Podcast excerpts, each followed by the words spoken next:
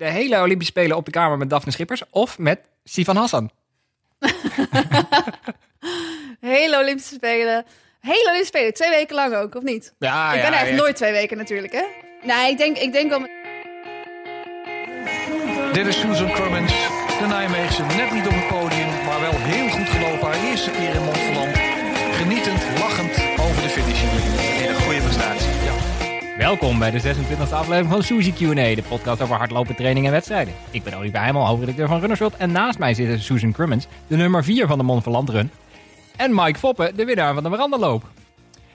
Suzanne, we gaan het zo even over de wedstrijd hebben, maar ik hoorde dat je een wilde week had. Oh my god, het was echt een wilde week. Ja, ehm, wild, hardloopwild was het. Oké. Ja, dus niet wild als in... eh, ik had heel veel feestjes voor de, voor de wedstrijd. Nee, het was... eh, ja, ik had een beetje een pijntje. Eigenlijk al voor de Zevenheuvelloop.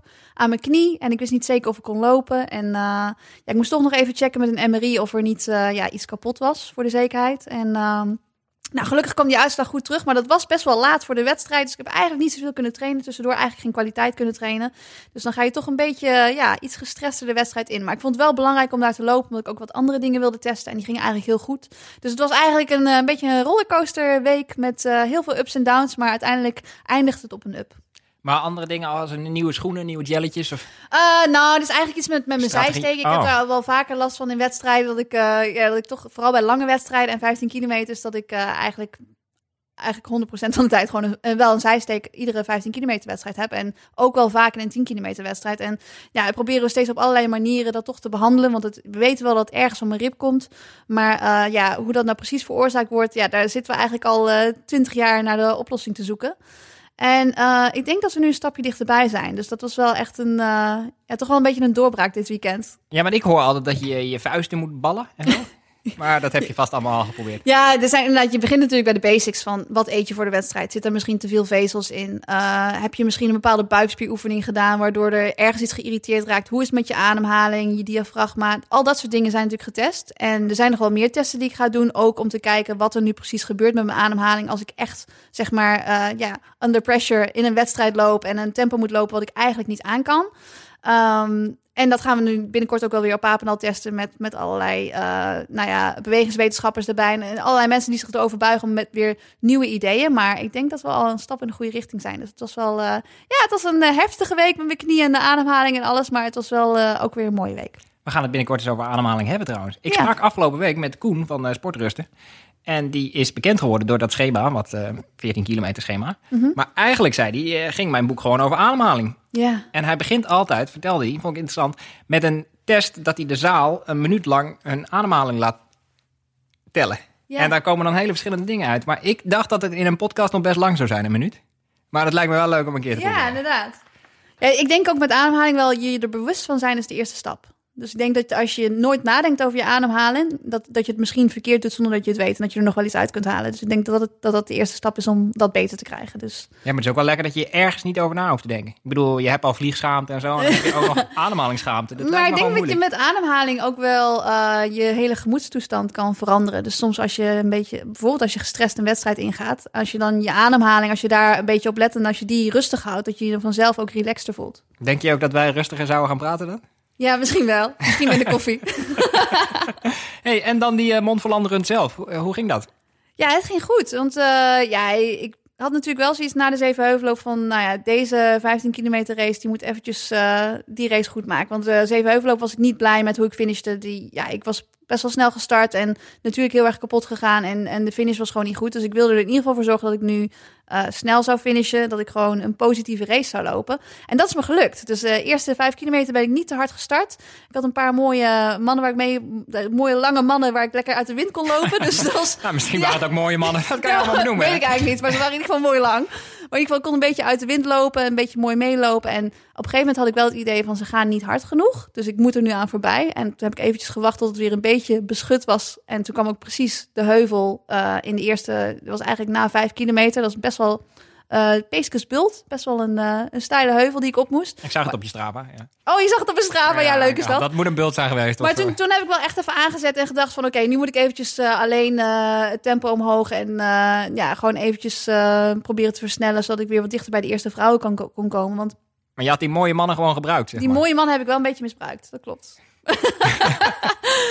goed, uiteindelijk, ik weet ook niet waar ze gefinished zijn, maar uiteindelijk eh, ja, heb je steeds weer andere groepjes waar je ook naartoe kunt lopen. En dat is wel mooi. Als je dan zeg maar, als je een, een positieve race loopt, dan ja, start je wel wat rustiger, maar dan heb je steeds om naartoe te werken. En de Zevenheuvelloop was eigenlijk precies andersom. Toen was ik hard gestart en toen werd ik alleen maar steeds voorbij gelopen. Door allemaal mannen waar ik misschien wel mee had kunnen lopen en kunnen aanhaken. Maar dat tempo kon ik toen niet aan. Dus, dus dan heb je al sowieso een beter gevoel over de wedstrijd. Nou, en toen na 10 kilometer, dan is een beetje voor mij vaak het cruciale punt. Ga ik een zijsteek krijgen of niet? Hoe zit ik in de wedstrijd? Ja, natuurlijk word je moe, maar dat is niet erg. Dat, is, dat hoort bij hardlopen natuurlijk. Maar ik kon gewoon blijven ademhalen. Dus het was, ja, het was fijn dat ik mezelf gewoon kon blijven pushen. En uiteindelijk had ik dus de derde vrouw uh, in zicht. En dat wist ik ook wel, want ik hoorde het publiek al zeggen dat iemand zei van... Oh, daar is de eerste vrouw. En ze zei, oh nee, het is niet de eerste vrouw. Volgens mij loopt ze vierde of zo. En toen dacht ik, oh, als ik vierde loop, dan is het podium echt vlak voor me. Dus ik probeerde wel naar haar toe te lopen. En ze had het niet echt door dat ik eraan kwam. Dus ik probeerde zo stil mogelijk te lopen. Maar ik had wel wat motoren omheen. Dus dan ah, hebben mensen het ook wel vaak door van... Ja, uh, er, komt, er komt een uh, Nederlandse komt die helikopter. En, uh, ja, de helikopter. Ja, ik heb natuurlijk altijd mijn entourage mee. nee, maar op een gegeven moment had ze het door. En toen versnelde ze inderdaad. En ik probeerde wel nog mee te gaan. Maar uiteindelijk, ja, ik weet niet hoeveel seconden. Ik zat misschien 10 seconden van het podium. Maar voor mezelf was het gewoon een goede wedstrijd. Omdat ik, nou ja, 49 laag, ook een snellere tijd dan Zevenheuvelen. Ja, een half minuut sneller of zo. Op een parcours, wat denk ik, ik heb nooit gelopen, maar het ziet er nog iets lastiger uit. Het, ja, wat het lastige is, is dat in, bij de Zevenheuvelloop kun je natuurlijk de laatste vier kilometer gewoon naar de finish rollen. En ehm, nou ja, ik had uh, daar op zich geen tijd verloren, maar ik had daar natuurlijk wel sneller willen finishen. En, en nu was mijn laatste vijf kilometer ook echt de snelste vijf kilometer. Die heb ik volgens mij iets van 16, 13 ongeveer.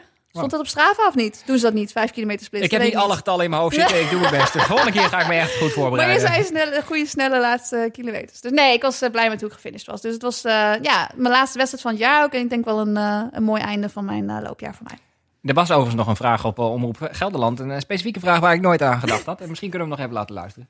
Ja. Wat kun je nog wat zien van de omgeving? Ik heb gehoord dat er heel veel mooie rijp op het veld stond. Uh, dat er heel veel rijp op het veld stond, hè, aangevroren gras.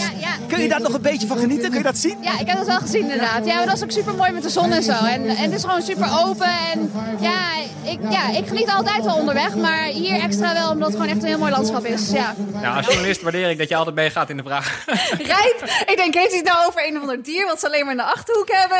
ik, ik, denk, ik heb het gemist. Ja, ik, had, ik was ook helemaal gefocust op die uh, midwinterhoorn. Want ze hadden het er steeds over dat er een midwinterhoorn onderweg zou zijn. En dat had ik ook.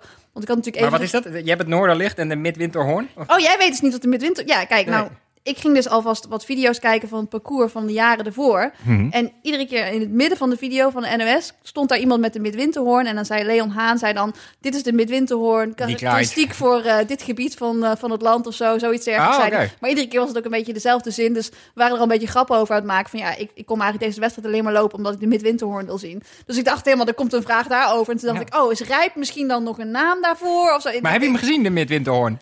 Ja, ik heb de midwinterhoorn zeker gezien. Het was, ook, het was echt prachtig, want het was gewoon inderdaad... Je, je, loopt er dan gewoon in de middle of nowhere en wel heel veel mensen. En je hoort verder, dat was een stuk van het parcours waar eigenlijk niet zoveel publiek stond. En hoor je inderdaad alleen maar die hoornen die ja, hij stond ergens gewoon bovenop een, op een heuvel. En, ja, maar is dat, gewoon een beetje onwerkelijk. Een, een, uit de kluiten gewassen ja, zo'n? Grote, Zo'n grote toeter is het inderdaad. Oh. Ja, inderdaad, zoiets was het. Het was wel... Uh, ja, het is wel, ik vind het leuk als wedstrijd iets doen wat, wat anders is dan bij andere wedstrijden. Dus uh, nee, ik vond het wel mooi.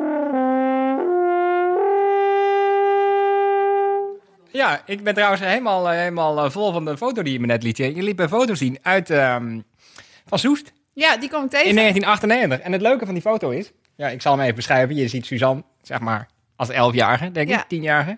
Uh, ja, door het zand lopen.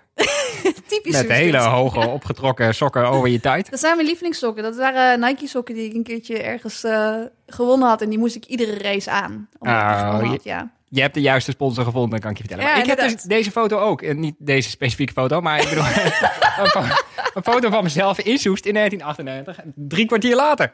Ja, super. Want vroeger kreeg je die foto's. Hardcopy. Gewoon opgestuurd. Ja, ik dacht eigenlijk moeten wedstrijden dat misschien weer gaan doen. Dat je gewoon één foto krijgt. En met die ene foto moet je het ook gewoon doen. Dus niet zo van, oh, het hele internet afschuinen naar allemaal verschillende foto's. Ik wil per se een zweefase, weet je wel. Nee, dat niet. Um, je krijgt gewoon inderdaad één foto met de post. En dan kon je die of terugsturen of houden. En ja, ik hield hem natuurlijk stiekem altijd. Ja, ik ook. En dan vroeg je je ouders om een zakcentje, hè? Ik heb ook nog een hele mooie van uh, Egmond, dat weet ik nog. Want um, toen zat ik nog niet eens bij Runners World. Het was echt heel lang geleden. Maar ik, Rob, mijn trainer, die die deed al wel het dreamteam bij Runners World. Dus ik mocht mee in de kleedkamer met het dreamteam. En daar zat Paul Rozenmuller toen in. En dat was in die tijd een beroemde politicus natuurlijk. Ja. En ik zat natuurlijk de hele tijd te acteren dat ik niet onder de indruk was van dat ik naast Paul Rozenmuller me aan het omkleden was. Dat ging ook allemaal best goed. En toen eh, liepen we naar de start en zo. En ik zo de hele tijd doen alsof ik cool was. En toen eh, moest ik eh, mijn trainingsbroek uitdoen op het laatste moment. Dat doe je dan in het startvak. En toen had ik dus Alleen onderbroek aan. ja, dus moest ik gewoon in die broek. dus toen liep ik heel hard tegen Rob nog aan de andere kant van het hek te roepen... Ik heb geen broek aan! dus ik denk dat het Paul Rozenmuller een vrij specifiek beeld van me kreeg. Maar als ik die foto zie, dan denk ik ook... Ja, dat is die broek. Wauw, dat is apart. Die gaan. Ah. Verder nog iets leuks aan crossen wat ik over het hoofd zie? Eh, nou, oh, vroeger bij de junioren hadden ze wel altijd een cadeautafel. Nee. Mike, ben jij nog opgegroeid met een cadeautafel of Ja, niet? ik kreeg altijd een pet. Kreeg jij altijd een pet? Ja, ik weet altijd... Ik, ik weet nog dat ik het ene jaar werd ik negende, toen kreeg ik een pet. Ja. Het jaar erop werd ik achtste, dacht ik, nou krijg ik een, een tas of zo. Toen kreeg ik weer een pet. Oh nee. Altijd mijn vader gegeven. Ja, echt balen. Ja, want dan kreeg je dus, zeg maar, als je de finish overkwam, kreeg je meteen zo'n nummertje in je handen geduwd. Ja, ja. En dan kon je met dat nummertje kon je later naar de cadeautafel. En daar lag dus allemaal speelgoed. En dan kon je met je nummertje, kon je dan, dat correspondeerde dan met een cadeau. En als je natuurlijk hoger eindigde, was het ook een groter cadeau. Oh, dat had ik nooit door. Ik dacht dat het gewoon een loterij was. Nee, er waren... Zelfs ik kreeg nog een nummertje in mijn handen geduwd. En dan Ja. kreeg je wel een staafmixer of zo, toch? Oh, staafmix, dan heb je het best Ja, goed gedaan, ik- ja. ik zat nog in je, de heb je gouden gewonnen, eeuw, volgens mij. nee, maar ik weet inderdaad, de eerste keer dat ik, volgens mij was het inderdaad in 98, dat ik toen in, in Tilburg liep, kreeg ik een, met mijn nummertje kon ik een eh, cadeau ophalen. En toen kreeg ik een camera en daar stond een Tinkerbell op van Peter Pan. Hm. Maar die stond op de lens gedrukt. En ik weet nog dat ik van mijn moeder mocht ik die camera nooit gebruiken, want er moest gewoon een rolletje in. En toen ze- zei ik van, waarom mag ik hem niet gebruiken? En zij zei, ja, maar dan staat er op iedere foto een Tinkerbell in de hoek. Ik zei, ja, dus daarom wil ik hem toch juist gebruiken. Maar anyway, ik heb die dus nog steeds, die camera. En die zit nog gewoon in de doos ergens. Echt prachtig. Je kan er Tinkerbell foto's Dus ik kan nog steeds, als jij een keertje een foto van jezelf wil met Tinkerbell erbij, dan kan ik het gewoon voor je regelen. Ja, als ik dat zou willen, zou ik dat niet hardop in een podcast zeggen. Maar... ah, fijn. Mike, we gaan eindelijk naar jou. Ehm, ik, ik zat te denken over een mooie introductie, maar toen bleek dat je langs, bij Langs de Lijn laatst eh, werd voorgesteld met een introductie die we nooit beter kunnen doen. Zelfs Volkert niet. Dus laten we daar gewoon eens naar luisteren. Mijn naam is Mike Foppen. Ik ben 22 jaar en ik loop voor Team Zeeweuvelen in Nijmegen. Vanaf mijn achtste ben ik fanatiek bezig geweest met hardlopen. Mike Foppen won afgelopen weekend de Warandecross in Tilburg. Mike Popper aan de leiding. Mike Popper in op de eerste plaats. Stan Nistelrooy als tweede over de bal. Ik denk, ja, daar komen ze op mij af. Het levert een startbewijs op voor de Europese kampioenschappen op de cross. Begin volgende maand. En het was een nieuw hoogtepunt in een ijzersterk jaar. Nou, wat een dijk van een intro. Ja, echt een lekkere intro. Ik word helemaal zenuwachtig van. dat, dat mooi met een muziekje. Ja. Ja. Ja, alleen je eigen tekst, misschien moet je de volgende keer op een vloerkleed gaan Ja. zitten. Want dat klonk wel een beetje hol, hè? Ja, ik klinkt alsof ik, alsof ik dat echt vijf jaar geleden heb opgenomen toen ik eh 12 was of zo. Hey, eh, maar je won dus de Brandelo. Yep. Ik zag je over de finish komen en eh, ik heb nog nooit iemand met zo'n kleine voorsprong zo zelfverzekerd zien finishen. Je keek alsof je echt een minuut had. Ja, nou, ik schrok wel nog even van de cameraman. Die kwam links op de motor. En ik keek naar links. Ik dacht, iemand had me in. Maar toen keek ik recht die camera en dacht ik, oh, het zit wel goed. Volgens mij deed je nog iets naar de camera, toch? Ik Ja, heb de beelden had- wel gezien, maar ik weet niet meer wat je deed. Stak had- je nou je duim op of zo? Of Nee, iets ik, anders? ik, ik had van die armsleeves aan waar Team Zeeweuvel op stond. Dus Oh, ik was daarna, je ik was daarna aan het wijzen. en was aan de linkerkant. Ja, ik dacht van, oh ja, lekker, lekker showen. Lekker. Nee, was leuk. hey, want het was eh, voor mij een beetje onverwacht, maar was het voor jou ook onverwacht? Ehm, nou, dat kan won wel een beetje. Maar ik had, eh, ja, Suzanne weet het als geen ander. Als je je kilometertijden ziet op hoogte en die zijn eh 8 tot 10 seconden sneller dan vorig jaar, dan weet je wel dat het qua vorm goed zit. Alleen eh, ja, moet het altijd wel nog even uitkomen in de, in de race zelf. Maar Ja, ja, en eh, dat deed het. ja, zeker. Maar dan nog heel even, jullie kennen elkaar van... Ja, de ene is so- socioloog en de andere psycholoog, las ik. Maar daar, ken- daar kennen Daar jullie elkaar niet van. Denk het ook, ja. Eh, nee, nee, we zijn natuurlijk allebei van Team Zevenheuvelen. We hebben nooit echt samen getraind. Maar eh, ja, natuurlijk allebei komen we uit Nijmegen. Dus eh, dan kom je elkaar vaak genoeg tegen bij allerlei dingen. Ja, hetzelfde club, hè? Ik eh, heb natuurlijk ook even wat over jou gelezen. Ik weet nu dat je naar Lissabon gaat. Over een paar dagen al, denk ik. Ja, donderdag. Donderdagochtend. En dan eh, maandag weer terug. En was dat ook de bedoeling, plaatsen voor Lissabon? Ja, ja, zeker. Ja, ik had eigenlijk eh, een beetje gedacht en gehoopt dat er een Nederlands mannenteam zou gaan bij de senioren. Dus ik dacht, nou, als ik bij de top 5, top 4 van de Nederland zit bij de Veranderloop, dan komt het wel goed. Maar achteraf ben ik blij dat ik hem heb gewonnen, want eh, we gaan Ja. met mijn twee man. Alleen Stan Nies is nog meegestuurd, die werd achtste bij de Veranderloop. Ehm en ja, dan, eh, dan was het niet gelukt met een, met een vierde plek bij de Nederlanders. Maar moet ik zeggen dat, ja, ik had stiekem wel in mijn hoofd om in ieder geval, in ieder geval voor de winst mee te lopen. Met de internationale jongens. En dan, ja, dat het dan lukt is natuurlijk super mooi. Want het doel daar is... Ja, die heb ik nu een beetje bijgesteld. Ik dacht, eh, als ik bij de veranderloop top 5 kan lopen, dan ja, top 20 bij de, bij de EK moet lukken. Maar ja, ik denk als je de veranderloop kan winnen. En eh, ja, twee weken naar hoogte ben je vaak nog net iets beter dan twee dagen naar hoogte. In ieder geval, bij mij werkt het zo. Ehm, dan moet ik echt daar wel voor een top 10 plek gaan. Maar dat is wel ambitieus. Ah, dat is een mooi doel. Ja, zeker. Ja, want alle afstanden komen natuurlijk bij elkaar. Hè? Dus Ja. vanaf eh, 1500 tot nou ja, 10 kilometer lopen. Soms eh, nog een verdwaalde marathonloper zelfs. Dus ik denk dat top 10, dat, het, eh, dat, is, een, dat is een mooi doel. Ja, het is wel een leuke, leuke, Ja. leuk startveld ook met jongens als Julian Wanders en eh Filip Ingebrigtsen die vorig jaar heeft gewonnen. Dus eh, ja, wordt interessant. Ja, want top 20 is ook best lastig. Ik bedoel, ik heb ook wel eens top 20 proberen te lopen of top 100 of zo, maar dat is best wel wat tellen. Top 10 is nog wel te overzien, zeg maar. Ja, dat, dat ook, dat ook, ja. Dan maakt hij het zichzelf toch alleen maar makkelijker. Dan mogen er maar maximaal 9 voor je lopen. Ja, dat is... hey, ehm, als ik zeg eh 30 juni 2020, wat zeg jij dan? Dat is de dag dat de ranking bekend wordt Ja, gemaakt. ja, ja. ja, ja. Ah, ja.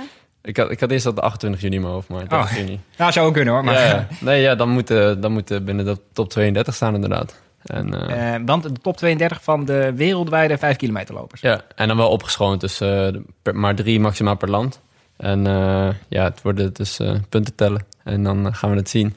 Ik denk dat ik wel, eh, dat ik wel wat kans maak. Omdat eh, afgelopen jaar heb ik ook al een aantal keer rond die top 32 gestaan. En ik denk dat ik wel weer een stap verder ben dan toen. Ehm, maar ja, goed, het is altijd...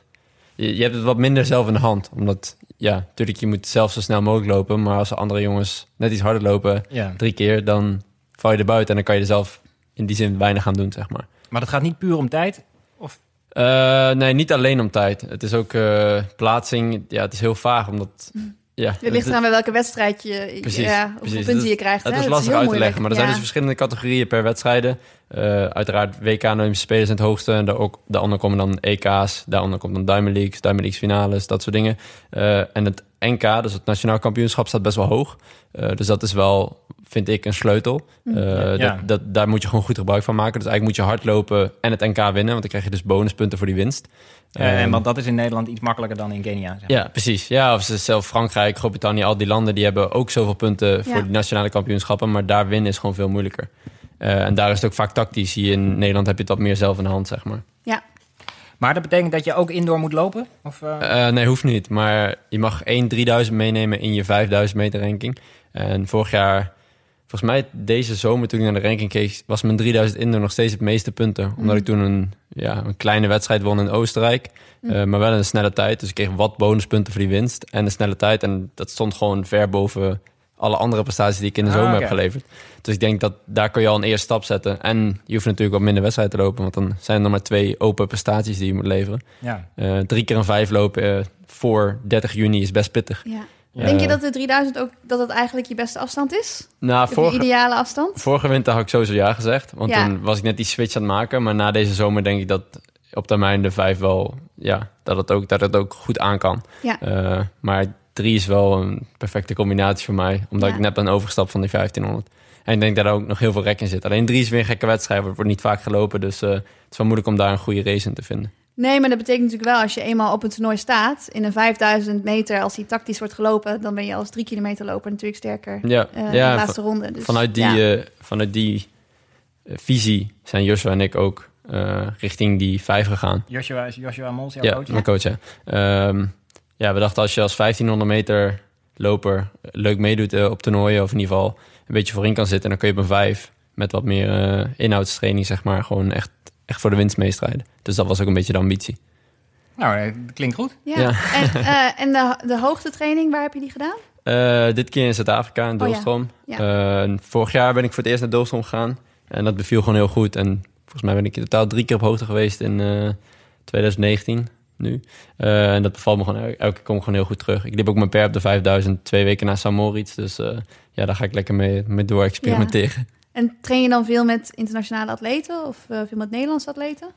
Nou, vanuit Nederland ging er niet zo heel veel mee telkens. We waren steeds met een groepje van vijf, zes man. Alleen, ja, er zijn genoeg atleten daar. Dus in januari ga ik ook een deel met de Zweedse bond mee... en met de Poolse bond Oh, sluit ja. ik een deel aan. Dus ja, train veel met anderen. Ja, mooi. jouw eh, vriendin heeft goede contacten bij de Zweedse bond. Ja, de- mijn vriendin mag inderdaad voor het eerst mee met de Zweedse bond dit jaar. Dus die gaat Oh, ook leuk. mee.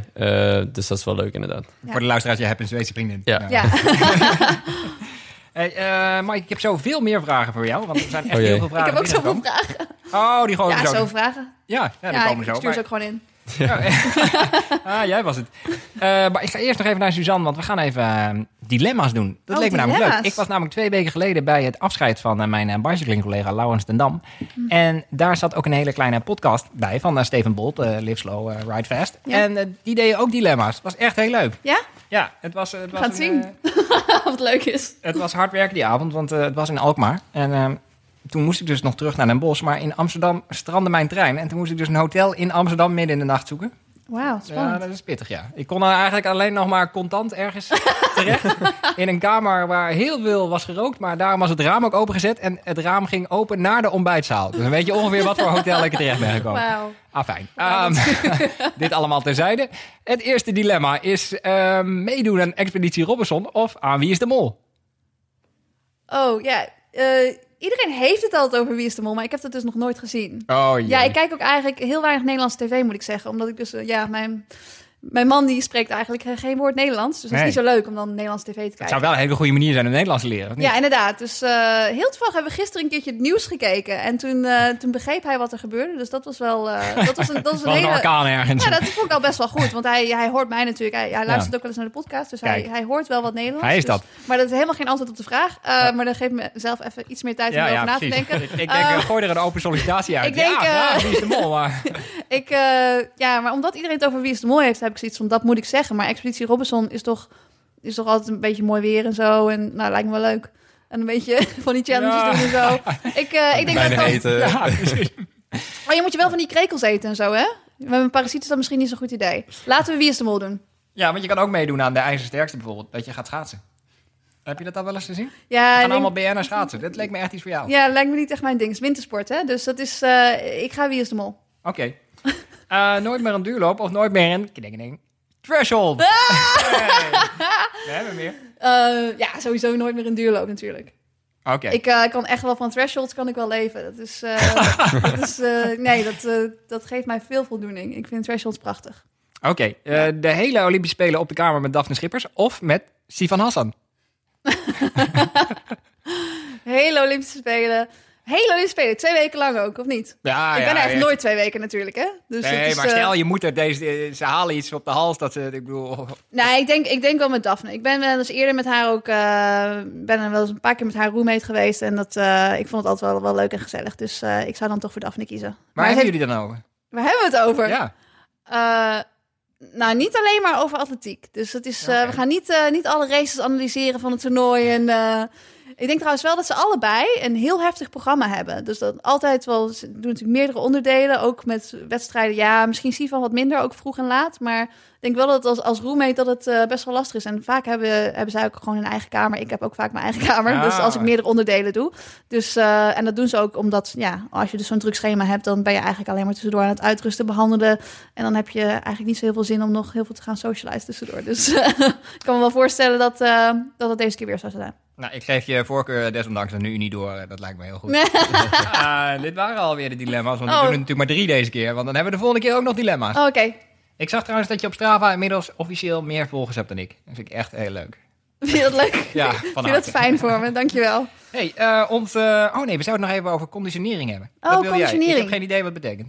Oh, heb ik dat? Ik heb daar iets over gezegd, over conditionering. Oh, nou ja, weet je wat het is? Ehm, als ik kijk bijvoorbeeld naar mijn Achillespeesblessures, dan heb ik die bijvoorbeeld dit jaar veel beter onder controle dan andere jaren. Ik heb niet meer echt. Ik heb wel eens natuurlijk dat ik pijntjes heb door, door mijn trainingen en dat ik wat vaker last heb van mijn Achillespees. Zal altijd een beetje, ja, mijn Achillespees blijven natuurlijk. Mhm. Maar ehm, wat mij heel erg helpt is dat ik ook als ik bijvoorbeeld, eh, nou ja, door welke reden dan ook, door een andere blessure of door een parasiet of nou ja, door wat voor reden dan ook minder train, zorg ik er wel voor dat ik die Achillespees goed blijf belasten. En ik denk dat hij daardoor ook gezond blijft. Dus ik blijf eh nou, touwtjes springen, eh eenbenige sprongen opzij, diagonaal. Ik blijf die, zeg maar een beetje, ja, ik zeg dan altijd driedimensionaal. Hardlopen is natuurlijk echt alleen maar in een rechte lijn. eh, en heel eendimensionaal, omdat je gewoon alleen maar rechtdoor loopt. Maar als je die Achillespees goed ook opzij blijft belasten, dan blijft die ook goed sterk. En dan ben je eigenlijk wat robuuster en meer klaar om, eh, zeg maar, als je bijvoorbeeld op de baan loopt, ben je eigenlijk klaar voor die impact en kan je dat wel wat beter aan. En ik denk dat heel veel mensen dat vergeten. En ook bijvoorbeeld met de kerstdagen of zo, als je wat minder gaat trainen, dat is helemaal niet erg. Maar als je ondertussen wel gewoon af en toe nog een, een paar keer per dag. eh, of nou ja, een paar keer per week denk ik dan voor de meeste mensen. dat je dan toch nog je sprongen blijft doen en iets blijft doen om die Achillespees te blijven belasten. Dan is het niet opeens als je in, januari weer begint met trainen dat je Achillespees denkt van hé, hey, wat gebeurt hier? Dit ben ik niet gewend. Ehm, dus ik denk dat heel veel mensen vergeten dat je met, nou ja, misschien een, een minuutje, dat dat heel veel kan uitmaken om die oefeningen te doen. Wees Ben ik niet specifiek niet- genoeg met mijn oefeningen? Je kijkt me een beetje... Ja, nee, ik, dat kwam om door die uitdrukking die je helemaal aan het begin van het verhaal gebruikte. Met mijn Achillespees blijft mijn Achillespees. Maar je Bij mijn Achilleshiel. Ja, precies. Yes. Ah, we zijn er. Ja, Nee, maar maakt niet uit. Ben je daar zo, bl- zo blijven hangen? Echt lang niks gehoord. ja. ik had hem zelf ook al verbeterd, maar dat is niet erg. Nee, nee, precies. Ja, misschien kunnen we nog wat editen. Ups. Ehm, ah, fijn. Hoog tijd voor ons eerste segment. Ask Suzy. Stuur je vraag in, dan beantwoordt Suzanne of de gast die hoogstpersoonlijk in de uitzending. Mike, we hebben heel veel vragen voor jou, dus we beginnen gewoon met jou. De eerste vraag komt van eh, Bjorn Paré. Wat eh, vind je ervan dat jouw teamgenote Julia van Veldhoven, ondanks een prachtige wedstrijd, niet naar Lissabon is uitgezonden? Ja, dat is zonde natuurlijk. Ik zeg ook dat sowieso altijd. Als je kijkt naar eh, Frankrijk, Groot-Brittannië, die hebben gewoon een heel vast, vast schema dat de top 6 van de trials of van de, wet, van de kwalificatiewedstrijd, die mag gewoon gaan. En eh, volgens mij is die discussie is al, ik weet niet hoe lang gaande, dat we dat in Nederland ook moeten krijgen. Ehm, en Julia liep volgens mij gewoon een prima wedstrijd. Ze zat eh, voorin bij de veranderloop. Vorig jaar natuurlijk met het team een mooie behou- eh, be- medaille behaald. En ja, er staat dan ook in de selectieprocedure dat de prestaties van vorige edities en zo, dat die ook meetellen, zeg maar. Maar Oh. volgens mij, ja, als je dat zou zeggen, dan zou ze eigenlijk gewoon meegestuurd moeten worden. Ja, ik denk ook wel dat dat een beetje het moeilijk is aan crossen. Dat, ehm, dat er heel veel onzekerheid is over die selectie. Als je nou zeker wist, oké, als ik in de, op de veranda loop, internationaal, in de top 10 eindig, dan ga ik sowieso naar het EK. Dan is het iets waar je naartoe kunt werken en jezelf dat doel kunt stellen. Maar ik denk dat, ja, daarom ook dat er atleten zijn die dat ja, een heel groot gedeelte van het crossseizoen natuurlijk laten schieten. Omdat ja, als je niet zeker weet wat je krijgt voor een bepaalde prestatie, dat is op de baan, heb je die zekerheid wat meer. Oké, als die limiet loop, dan ga ik. Dus ik denk dat dat eh, een beetje het lastig is. En, en ook eigenlijk niet goed voor de jeugd. Want je zag het vroeger, waren die, ja, die crossen waren veel populairder. Ook bij de, bij de junioren natuurlijk. En die, ja, die keken ook een beetje van, nou ja, toen werden er ook wel meer atleten gestuurd naar die teams. Dus ik denk als we volle teams zouden sturen, dat dat wel zou motiveren voor veel junioren ook om te blijven crossen. Dus ik denk wel, dat is jammer. Maar ik weet ook niet zeker wat de reden is. Of het, eh Nou, want ik denk- kijk, er zijn genoeg atleten die natuurlijk zeggen van, ik zou prima zelf willen betalen om naar het EK Cross te gaan. Als jullie mij gewoon een startplaats geven. Dus Ja, maar ik denk dat het ook dat ze ook wel de pech had dat buiten haar dat er weinig senioren waren die goed voorin meededen. ja. Kijk, vorig jaar dus had je natuurlijk jou en Ja, Jip ook. Jip Ja. ook en Maureen. Ja. Die gingen er allemaal voor. Eh, en dan, ja, natuurlijk moet je dan een team sturen. En nu was de keus voor de atletiek niet daardoor denk ik net wat moeilijker, omdat er weinig achter zat. Eh. Hetzelfde was ook voor Kalita Min, ook een jongen van Team Zeeweuvelen. Hm. Die liep ook echt een dijk van de wedstrijd. Die werd, nou wat was die? Twaalfde. Hij is nog onder 23. En ik zat een beetje te- terug te kijken naar de uitslagen. En ik zag jongens eh, vier jaar geleden die gewoon werden gestuurd. Liep een half minuut langzamer. En liep Ja. eigenlijk nu een half minuut harder dan toen. Dus ook daar zou je dan inderdaad een regel moeten hebben van als je bijvoorbeeld onder die tijd loopt of binnen Ja. die plek eindigt, dat je dan, eh, dat je dan meegestuurd wordt. Maar in het geval van Julia was er ook een protest ingediend door een boom, eh, begreep ik. Maar... Oh, Ehm, volgende vraag van eh, Ilse Weigert. Wat heb je veranderd waardoor je nu doorgebroken bent? Eh, ja, dat is wel een leuke vraag. Ik denk dat eh, voor mij eh, echt hoogtetraining, dat het echt een enorme boost heeft gegeven. Wat ik net al zei, eh, de eerste keer dat ik een beetje op hoogte ging was in Potjafstrom eh 2018, in het voorjaar, in januari. Eh, toen zat ik op, dus op 1400 meter hoogte. Daar had ik niet echt een groot effect van, maar ik merkte al wel dat ik bijvoorbeeld die winter minder ziek was geworden. Ehm, en toen, ja, dat baanseizoen maakte ik ook al stappen. En toen ben ik vorig jaar voor het eerst echt eh, op hoge hoogte, als, om het zo maar te zeggen, gaan in Dulstrom. dat is echt 2000 meter, hè? Ja, Dat is- 2000 dat is meter. wel een flinke hoogte. Ja, dat heb ik ook wel gemerkt. Ja. De eerste week, eh, nou, ik liep echt 4,45, 4,50 op mijn duurlopen. Ja, je moet je tempo's echt aanpassen. Ja, ja, zeker. Ja, ik heb toen eh, veel advies gevraagd van anderen natuurlijk, hoe Mhm. zij dat hebben gedaan. Eh, en wat ik het meest hoorde was eigenlijk om onder je omslagpunten te blijven. Zeker die eerste Dus de tien threshold. dagen. Onder-. Ja, we hadden hem al. Bingo. En eh, ja, dat, dat gaf me vorig jaar al een mooie boost. En toen heb ik dus het EK Cross gehaald bij de onder 23. Toen in januari dacht ik, ja, ik ga gewoon nog een keer op hoogte. Ik heb toch niks te doen. Het is gewoon bezigheidstherapie Ja, precies, precies. En toen kwam ik terug en toen liep ik de limiet voor het EK Indoor. Toen Ja. dacht ik, nou, in juli ga ik weer op hoogte. En zo ben ik maar doorgegaan. En die hoogtestages tellen zich dan ook op. Ja. En nu had ik weer eigenlijk een perfecte stage. De eerste keer dat ik echt zonder pijntjes terugkwam. Dat de fysio echt zei van, eh, nou, dat gaat wel goed komen zondag. En dat kwam het ook. Denk je dat het alleen de hoogte is? Of denk je dat het ook eh, de focus is die je er hebt? Dat je gewoon niks anders hebt iedere dag, twee keer Ja. dag trainen. En Ja, misschien ik- ook wel goede tegenstanders om je heen die je ook hard ziet trainen. Ja, ja ik heb eh sowieso mijn trainingsopbouw wat meer uitgebouwd. Dus ik ben wat meer gaan doen eigenlijk. En zo heb ik het al zes jaar, bouw ik het rustig op. En ehm, Hoeveel kilometer maak je nu in de week? Eh, ik denk gemiddeld 130, zoiets. Dus dat is eh, best prima. Ja. Eh, en op hoogtestage ga ik dan wel iets meer zitten, maar niet, dan zijn de kilometers ook wel wat langzamer. Wat is je grootste week geweest? Dit keer was ooit 152, nee, 154 kilometer. ah. In Deelstroom ook. Oh, dus, dus, je bent wel vrij constant. Dat ja. is niet, ja, Ja, ik niet was- hele extreme uitschieters. Nee, het was echt mijn constante blok Ja. van training dit keer. Dus ja, daar was ik heel erg blij mee. Wat is jouw grootste week eigenlijk, Olivier? Heb ik je nog nooit gevraagd? Eh, ik denk dat ik wel eens 100 heb gehaald. Maar dat Oh. was in de tijd dat je dat toch allemaal niet elektronisch kon vastleggen. Dat Nee. was meer een gevoel dat ik had. Ik Misschien weet, was dat ik weet nog 200. mijn eerste, eerste week dat ik 100 kilometer liep. Dat was natuurlijk wel echt een, eh, ja, een milestone. Maar toen ging ik mijn kilometers optellen aan het einde van de week op zondag. En toen kwam ik uit op 99,9. En toen ben ik nog een paar keer op en neer gerend in de gang. ik, ik heb in Zuid-Afrika dit keer precies hetzelfde gedaan. In mijn- in mijn tweede week daar was ik klaar met mijn lange duurloop op zondag. En ik klik hem uit en ik kijk naar mijn totaal. Toen had ik 149,86 of zo. Toen heb ik nog 140 meter heen en weer moet je nog even afmaken. En nou staat er ook in mijn loge 150,00. Ja, prachtig. Ziet er perfect uit. Ja. Maar als je hem dan al hebt afgesloten op je horloge, dan moet je een hele nieuwe... Ja, Ja. maar dat is niet erg. Zeker niet. Dat is niet erg. Satelliet zoeken. Ja. helemaal de moeite waard. Oké, Helemaal ik, niet obsessed. ik heb ook een eh, vraag van een heel ander kaliber eh, tussendoor. Victor van der Wel vraagt eh, wie jouw beste Fortnite-teammate is. Ik had wel kunnen verwachten dat die vraag ging komen. Ook bij eh NOS Langs de Lijn kwam ook opeens eh Fortnite Ja. fragment. En toen moest ik ook opeens... Je wordt in een bepaalde hoek geduwd. Ja. Ja. Speel je dat in deelstroom eigenlijk? Dat is toch... Nee, in Deelstroom zeker Ik niet. wou zeggen, moet je toch internet voor hebben? Ja, en in Deelstroom eh, ja, is de wifi sowieso niet echt te vinden daar. Nee. Dus, eh, Oh ja. nee, ik had... eh, ik studeerde vorig jaar nog, maar eigenlijk was studeren was gewoon niks doen. Ehm, ik had Ondergeschikt aan Fortnite in ieder geval. Precies. Ja, ik had gewoon heel weinig, eh, weinig dingen te doen. En toen zocht ik een beetje afleiding. En toen kwam ja, Fortnite heel erg op. En toen heb ik dat met heel veel, eh, eh, ja, heel veel vrienden gedaan. En eh, op een gegeven moment werd het meer zeg maar bellen. Alleen dan via Fortnite. Dus ondertussen waren we aan het spelen. En dan ondertussen een beetje praten. En eh, ja, je speelt altijd met headset en je hebt met iedereen contact. Maar goed, de beste Fortnite-speler met wie ik heb gespeeld. Ja, goede vraag. Dan ga ik heel veel mensen Nee, eentje heel, kiezen. heel veel Ja. mensen teleurgesteld. Ik denk Jury van Kuppenveld. Dat is een hordenloper uit Nijmegen, een goede vriend van mij. Heb ik ook wat het meeste meegespeeld. Dus misschien zijn we gewoon goed op elkaar ingespeeld. Ah, oké, we nemen mee. Ehm, Ernst van Beekhuizen vraagt... wanneer eh, had je bij de verandaloop het gevoel deze kan ik winnen?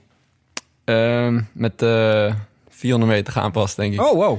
Ja, ik, eh, ik was niet zo bezig met winnen. Misschien klinkt dat raar, maar ik was gewoon... eh, ja, eigenlijk was mijn plan om zo lang mogelijk achter de kopgroep te gaan zitten... of een beetje achterin mee te lopen... en dan gewoon te wachten tot, ja, tot het laatste stuk. Alleen toen ging Stan Niester, er ging hij echt als een gek vandoor. En die liep eh, op een gegeven moment 70 meter voor de rest uit. En toen voelde ik me sterker. Toen dacht ik, ja, ik ga gewoon het gat dichtlopen. En toen liep op een gegeven moment met z'n tweeën eh, 50 meter voor de rest... En toen werd het opeens een hele andere race in mijn hoofd. Want ik dacht, ik ben sterk. Eh, ik ga gewoon zo lang mogelijk vooraan meelopen. Toen nog steeds wel een beetje hetzelfde plan als eerst. Ehm, en toen kwamen er kwamen op een gegeven moment met vier jongens weg. Drie, drie internationale jongens. Een Zweed, een Rus en een eh, Italiaan. En toen eh, de laatste ronde was ik alleen maar bezig met... oké, zo lang mogelijk erbij blijven en dan zien we wel waar het schip. Maar ik was niet aan het denken van, ik kan hem winnen. Want ik zat de hele tijd op het vinkentouw. Want je Eh, weet wel dat jij als baanatleet... waarschijnlijk dan... Ja, dat had ik wel in mijn hoofd zitten. Maar toch dacht ik dat ik er als eerste af ging vallen, Ah, zeg maar. ja. Is zo- Nee, ja. je moet natuurlijk ook niet op de zaken vooruit lopen. Nee, je moet het wel nog even doen Ja, natuurlijk. precies. En ik dacht, ik blijf gewoon zo lang mogelijk eraan hangen. En toen eigenlijk met 800 meter gaan, dan ben je net over die boomstammen heen. Mm. Eh, dan heb je zo'n lang rechtstuk en daar ging ik een beetje vanaf. Toen dacht ik, ja, oké, ik ben vierde. Ja, jammer. Ja. En toen zag ik daar al die mensen zo staan voordat je het laatste bochtige gedeelte in staat. Dacht ik, waarom ben ik eigenlijk eraf? Ik ben nog veel te fris aan het nadenken. En toen heb ik dus één keer gewoon vol aangezet. Eh, en dan, ja, weet ik veel, met mijn, met mijn baansnelheid eh, echt in één keer eroverheen geklapt. En toen lieten ze meteen los. Toen heb ik eigenlijk dat bochtige stuk heb ik ze niet meer teruggezien. Wauw. Heeft het geholpen dat, je, dat het een wedstrijd in Nederland was? Dat het eigenlijk voor jou een thuiswedstrijd was tegenover eh, Ja, die ja ik zei, zei sowieso al tegen, de, tegen mensen die daarover vroegen van... Ik denk dat iedereen uit de kopgroep die race had kunnen winnen. Maar vaak gaat het dan om wie hem het gaast wil winnen. Ja, Ja. Ehm, precies. die andere jongens hadden ook nog wel echt wel iets harder gekund. Alleen ik wilde hem gewoon liever winnen dan hun. Ja. Omdat ik thuis liep en omdat het... Je Fortnite-mentaliteit. Ja. Nee, want Ja, dat was wel... wil natuurlijk ook dat jij wint. Dus het dat voelde wel als een moment om, om door te breken. Ik had ook dat Ja. interview gehad met de NOS van tevoren. En eerst dacht ik, ah, ze interviewen, weet ik veel, vier favorieten uit Nederland. En dan gaan ze daarna een beetje editen. En dan degene die wint, die plakken ze dan erin. Maar ze hadden dus blijkbaar alleen mij geïnterviewd. En ik was dus aan het inlopen en ik kwam mijn koptelefoon op. En ik was lekker gefocust. En ik hoor iets naast me en ik kijk naar links. En dan zitten ze me ook gewoon met inlopen. Reed die camera ook gewoon mee. En dacht ik, oké, ze zijn echt mij aan het volgen. Ja. En ja, dat ging nog wel even door mijn hoofd heen met 400 meter gaan. Ik Ja, dacht, kan niet afgaan. kan ze niet teleurstellen. Onze NOS helemaal voor niks gekomen. Ja, oh, lief van je, vind ik dat. Waar Ah, ik- luister je trouwens naar met je koptelefoon? Is het altijd dezelfde muziek in de warming-up? Of is het... Nou, ik- Podcast. ja, oh nee. ja, podcast natuurlijk. Nee, ik luister wel naar muziek, maar Ja. ik heb een afspeellijst met mijn vriendin. We zeiden, maken, dat doen we dan de nummers in die we op dit moment leuk vinden. Ja. Inmiddels staan er 650 nummers in of zo. Oh, dus het is wel ieder seizoen verandert het wel. Ja, ik druk gewoon op shuffle en dan zie ik wel wat, eh wat eruit komt. Ik hou van alle muziekstijlen, Oké. dus Dus als het dan eh, gewoon Guus Meeuwis of zo en dan Kan- eh, kan- kan er zeker eh, tussendoor komen. eh, oh, nee. ook alles. ik denk helemaal, je hebt zo'n pump-up eh, lijst waar je altijd naar luistert. Maar Nee, dat, is dat niet, dat niet. Ja, is leuk. Ik, eh, ik heb een verschrikkelijke muzieksmaak, zoals je misschien weet. Ik mocht ooit bij Radio 5, mo- werd ik een uur lang geïnterviewd en mocht ik mijn eigen muziek aandragen. En toen had ik al gezegd, ja, ik heb echt een hele slechte muzieksmaak. Toen zei ze, nee, het is niet erg. Laatst was Menno Boegter en die luisterde alleen maar naar Phil Collins. Dus ik zei, nou, dat vind ik ook een hele goede Ja. zanger. Maar ik heb meer Sky Radio, maar dan alleen de zachte nummers. En toen keek ze allemaal van, nee, Sky Radio ook harde nummers dan. Maar goed, we zijn het uur doorgekomen. Ehm Tijn Piest vraagt, wat zijn jouw verwachtingen voor de EK Cross? Hij hebben we eigenlijk net behandeld, toch? Ja, Top ja. 10, op zijn minst. Ja, dat is de doelstelling. Verwachtingen. Nee, hetzelfde. Ehm eh, Marathon Diederik vraagt, wat is er voor nodig om jou aan de start van een marathon te krijgen? en hoop. Voorlopig eh, zul je me zeker nog niet op, eh, op een marathon zien verschijnen. Ik, eh, op een of andere manier loop ik relatief het slechtst op de weg.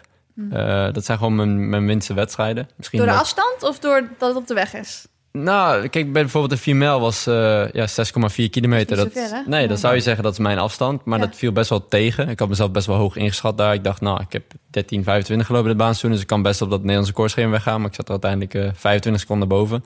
Ja, kan je natuurlijk ook naar training kijken en de periode. Maar eh, ik denk dat ik ook naar een baanseizoen kan toeleven en dan daar heel veel uit kan halen. En dan vervolgens, dan begint het wegseizoen. En dan zit je dus eigenlijk Ja. in een fase die voor mij gewoon minder belangrijk is. En ja, mijn lichaam pakt dat gewoon als een signaal van... oké, vandaag hoeft het even niet, denk ik. Nou ja, Ehm. hier spreekt wel een man die eh, 27 keer de Zevenheuvelen Nacht heeft gewonnen. Nou, Ja. zeven keer, maar... Ja, oké, maar dat is qua tegenstand net wat minder natuurlijk. En eh, ja, ik weet niet, relatief loop ik daar gewoon de minste op. En ja, een marathon is dan weer een stapje verder. Eh, in de toekomst wil ik al zeker een keer een marathon gaan doen. Maar ik denk dat ik het ook qua belasting, dat het gewoon niet handig is voor mij nu. Nee. Ehm, en ja, wat vind ik het leukste? Racen op kortere afstanden. Dus dan ga ik zeker geen marathon lopen. Eh, het valt mij ook op, als ik op de weg loop en ik loop eh 320, dan is dat op de weg, moet je echt keihard werken voor 320. En op de baan is dat relatief rustig. Heb Ja. jij dat niet? Ik denk altijd, hoe doen weglopers dat? Eh, ja, weet je, ik ben op de weg eigenlijk nooit zo bezig met splits. Dus ik denk dat ik dat helemaal mis. Dat, dat is, Ja, oké. ja, en ik denk ook wel dat dat... Dat kan ook wel een reden zijn dat je bijvoorbeeld meer moeite hebt bij zo'n bij zo'n 4 mijl. Want het, ja, op, de, op de baan kun je wat makkelijker vlak lopen, denk ik. En Nou ja, bij maar zo'n ook, wegwedstrijd ben je veel meer afhankelijk van andere factoren. Dus je moet een beetje ja, meer inspelen op de wedstrijd. Dus ik weet niet... Maar ja, als je hier in Hilversum zeg maar een training doet en je moet drie minuten rondlopen, ja, dan ziet het er, als je tussen de auto's doorgaat er zo auto's maniacaal uit, toch? ja. Terwijl op de baan is dat ja, een stuk eenvoudiger. nee, dat klopt wel. Ja, dat is... eh, Ja, ik merk ook, hoe meer rondjes de wegwedstrijd heeft, hoe beter ik loop. ja, Ik heb dus we moeten gewoon even... gewoon goed wat- in rondjes. Ja. Wel een beetje een parcours voor jou maken met, met, met, met meer rondjes. Dat Ja, precies. wel regelen, Ja, ik heb mijn per de 10 gelopen op echt... eh liep ik acht rondes van 1200, eh, wat is het? Of 1100 meter. Ah, dat zijn Ja, hartstikke je klinkt als Nou, dat, echte is, dat gaan we. Maar. Ja, indoor is dan weer net de kleine rondjes. Eh, Tom van Scheidhuizen vraagt, wat zijn jouw, hoe lang zijn jouw lange duurlopen? Met lang, lang of langste? Eh, ja, hoe, hoe, ja, je, Ja, meestal rond de, regelmatig doe je rond, echt de, rond de 20, 22 kilometer. Dan zit ik wel aan mijn Ah. langst eigenlijk. En, en qua duur, hoe lang doe je erover? Eh 80, 90 minuten. Ja, ja. Langste, langste die ik ooit heb gedaan was in San Moritz deze zomer. Toen liep ik 90 minuten. Wat is Ja. jouw langste duurloop? Jij bent vast wel eens verdwaald of zo, toch? Eh, ja, maar ik verdwaal altijd in het midden van mijn duurloop. En dan weet ik alweer de weg voordat ik weer terug moet. En dan ben ik toch weer 90 minuten terug. Dus 90 minuten, ja. Oh, echt, echt gewoon niet langer? Niet langer. Nee. Ja, valt, valt me mee. Ja, dat valt me mee. Ja, ik ben ook geen marathonner, hè? Nee, nee, dat kan er allemaal nog komen. Ja. Ehm, Mike, een vraag van uh, Aniek Scheerder. Waar zie je jezelf over tien jaar? Ja, die vraag heb ik voorbij zien komen. Dacht, ik hoop dat ik Ja. die niet ga krijgen. Oh, ja, ja, het is nogal een vraag. Dus jij ja. hebt al helemaal iets uitgetypt. Nee, ik, eh, ik, kijk, ik kijk niet zo ver vooruit eigenlijk. Zelfs bijvoorbeeld Olympische Spelen, dat is nu pas realistisch voor mij in mijn hoofd geworden. Als je een jaar geleden vroeg, ga je voor Olympische Spelen? Ik zeg, Olympische Spelen? Ja. Oh ja, dat is eh, over anderhalf jaar of zo. Daar ben ik gewoon helemaal niet mee bezig. En over tien jaar, ja, geen idee. Eh, ik hoop dat ik dan eh, al tien jaar lang ja, mezelf heb gevestigd in de Nederlandse top. En hopelijk ook de internationale top. En nog steeds profatleet ben. Of een nog professionele atleet geworden ben. Eh, ja, de, verder dan dat kijk ik eigenlijk niet. En ik denk ook dat je juist... Of, voor mij werkt het in ieder geval goed om juist niet te ver vooruit te kijken. En niet te veel naar daar wil ik naartoe. eh, ik kijk het gewoon stapje voor stapje en heel dichtbij. Ja, heel goed. Ja, ik hou zelf wel van dit soort filosofische vragen, maar ze zijn wel pittig. Weet je niet? Ja, maar ja, over tien jaar, dat, dat zijn allemaal dromen. En nu heb je doelen, toch? Dus Ja, dat maar is, er, er eh, kan ook zoveel gebeuren tussendoor. En dan Ja. heb, je daar, heb je al ergens aan vastgehouden wat dan al lang niet meer kan, zeg maar. Nee. Dus ik bekijk het gewoon bijna per uur. Nee, maar anders dan is het toch ook als je nu een wedstrijd loopt... dan denk je, van, wat maakt het uit wat het resultaat is? Want uiteindelijk gaat het om de Ja. Olympische Spelen van Precies. eh 2000, weet ik veel wat. En dan, ja, dan, dan leef je toch ook niet in het nu. Dus ik denk wel dat je doelen nu moet hebben. Maar dat uiteindelijk moet er wel een, ergens een, een idee zijn van waar je terecht wil komen. Maar als je dat nu al helemaal scherp ziet... ja, dan is het ook niet meer zo spannend om je dromen na te jagen. Want je weet toch al waar je terecht komt. Nee, het deed me een beetje denken aan een hele mooie vraag van Wilfried de Jong ooit. Bij- Holland Sport was Patrick Kluivert te gast. En toen lieten ze een foto zien van Patrick Kluivert als klein jongetje. En Wilfried de Jong wou duidelijk een hele filosofische kant op. Dus die zei, wat zou jij tegen dit jongetje willen zeggen, Patrick? ik weet niet... Dat Eh, Patrick zei gewoon, eh, ga eens naar de kapper. dus, ja. Oh, wauw. Ja. Ah, fijn. Eh, Rob Vival Veen die vraagt wat jouw mooiste overwinning tot nu toe is. Ik denk dat ik hem wel weet. Ja, ik denk dat we randen lopen. Nou, dat is lekker als dat gewoon eh anderhalf Ja. week geleden is. Ik heb, dat, dat is wel, denk ik, mijn mooiste overwinning. Maar ik heb wel ooit een moment gehad, eh, had ik een, mijn eerste grote blessure gehad. Stress, haard in mijn voet. Eh, Stresshaard? Ja, dat Ja. is eh, stressreactie. Oké. Dus Ja, zit je nog niet... voordat eh, het een dat is nog, precies. Ja, voordat het een stressfactuur is. Ja. Oh, Ja. oké. Dus hier zitten kenners. Ja. maar eh, toen kwam ik daarvan terug. Dat had ik denk zes weken getraind. En mijn echte hoofddoel was toen om voor het eerst een internationaal toernooi te halen. Dat was in 2017. eh, EK onder 23. En toen is in diezelfde week dat ik eh, bij de Global, ook nog in Nijmegen, thuiswedstrijd, ambassadeur, eh, is mijn oma overleden. Ik denk vier dagen voor de wedstrijd. Twee dagen voor de wedstrijd mijn oom begaven. En toen liep ik daar de limiet eh, voor dat EK na vijf, zes weken training. Het was eigenlijk gewoon onmogelijk. Ja. Ik denk dat dat de grootste overwinning voor mij was. Om te denken van oké, eh, ik heb maandenlang eh, alternatief keihard getraind. En ik heb eh, toekomst in deze sport. En daarna, vanaf daar is bij mij een soort ook een knop omgegaan van oké, maar niet uit wat er gebeurt. We blijven er gewoon voor gaan tot ik eh, ja, ben waar ik maximaal kan komen. Ja, mooi. Er komt ook nog een vraag aan jullie beiden, denk ik, van Sharon Runs. Wat maakt crossen nou zo leuk? We hebben net eh, de wegatletiek een beetje afgeserveerd, dus nu kunnen we misschien iets, eh, iets moois zeggen over cross. Ja, ik, cross nu natuurlijk niet meer zoveel. Maar eh, als junior heb ik wel heel veel gekost. En Nee, ik, ik zag deed het bewijs, ik, ja. ja. deed ik alle cross in Nederland. Ook alle cross in België. Het had daar natuurlijk een crosscup eh circuit. Met eh, nou, best wel een pittige wedstrijd. Ik weet niet of je Brussel wel eens gedaan hebt. Ja. Maar Oeh, ja. Brussel is, eh, dat is altijd al mijn lievelingscross geweest. Omdat er gewoon echt ontzettend veel modder ligt. En het is een heel zwaar parcours. Bij het En- atomium is dat toch? Ja, Ja. zo echt een prachtige cross. Ehm, ja, en, en het is gewoon mooi, omdat het, ja, het is gewoon een grote uitdaging. De, dus er zijn steeds, ja, je moet steeds weer aanzetten. Er zijn tempowisselingen. Je moet echt, eh, ja, je moet je aanpassen aan het parcours. En het is echt een, eh, een gevecht met je tegenstanders, maar ook met het parcours. Dus ik denk dat het daarom heel mooi is. En ieder parcours is natuurlijk heel anders. Want heb je een Soest, heb je het losse zand. Warand is natuurlijk best wel snel, maar dan heb je weer de boomstammen. Dus eh, ik denk dat de variatie, dat dat het zo mooi maakt. Ja. Ja, het is ook wel mooi dat als je, zeg maar... Ik heb zoveel gedachten, bijvoorbeeld in een warandenloop... eh, waarbij ik een paar keer dacht, oké, ik ga winnen. Een paar keer dacht ik, oké, ik ga verliezen. En zo gaat het de hele tijd door in zo'n cross. Terwijl op een wegwedstrijd, als je eraf wordt gelopen, dan ben je gewoon af. Ja, dan Ja. probeer, probeer dan maar eens terug te komen. De baanwedstrijd is dat bijna een beetje hetzelfde. Ja. Maar in een cross eh, kan, kan er weer een hele andere ondergrond komen. En dan kan je in je hoofd hebben, oké, dit is mijn goede stuk. En dan loop je opeens weer het gat dicht. En die Ja. diversiteit, dat je eigenlijk niet weet wat er gaat gebeuren. Of je loopt met je schouder tegen een boom aan. Ja. Of je- ja, het is niet zo voorspelbaar. Nee, het is natuurlijk precies. wel vol verrassingen. ja. Nou, eh, heb jij ook een vraag voor Suzanne of voor mij natuurlijk? Mail hem dan naar mijn adres olivier.heimel.hurst.nl En wie weet komt jouw vraag dan in onze volgende podcast. Het eh, tweede segment doen we er gewoon gelijk achteraan.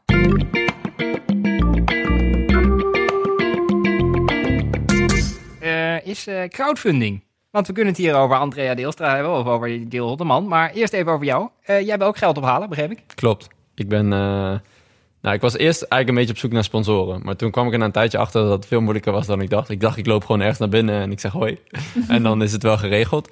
Ehm, maar ja, zo makkelijk zit het, zat het voor mij in ieder geval niet in elkaar. En toen dacht ik op een gegeven moment, nou, eh, er waren heel veel mensen die zeiden, nou, ik wil niet per se een samenwerking aangaan of sponsoren, maar ik zou je wel gewoon eenmalig iets willen bijdragen. En toen dacht ik, nou, dan is een crowdfunding het ideale forum voor mensen om dat op te doen.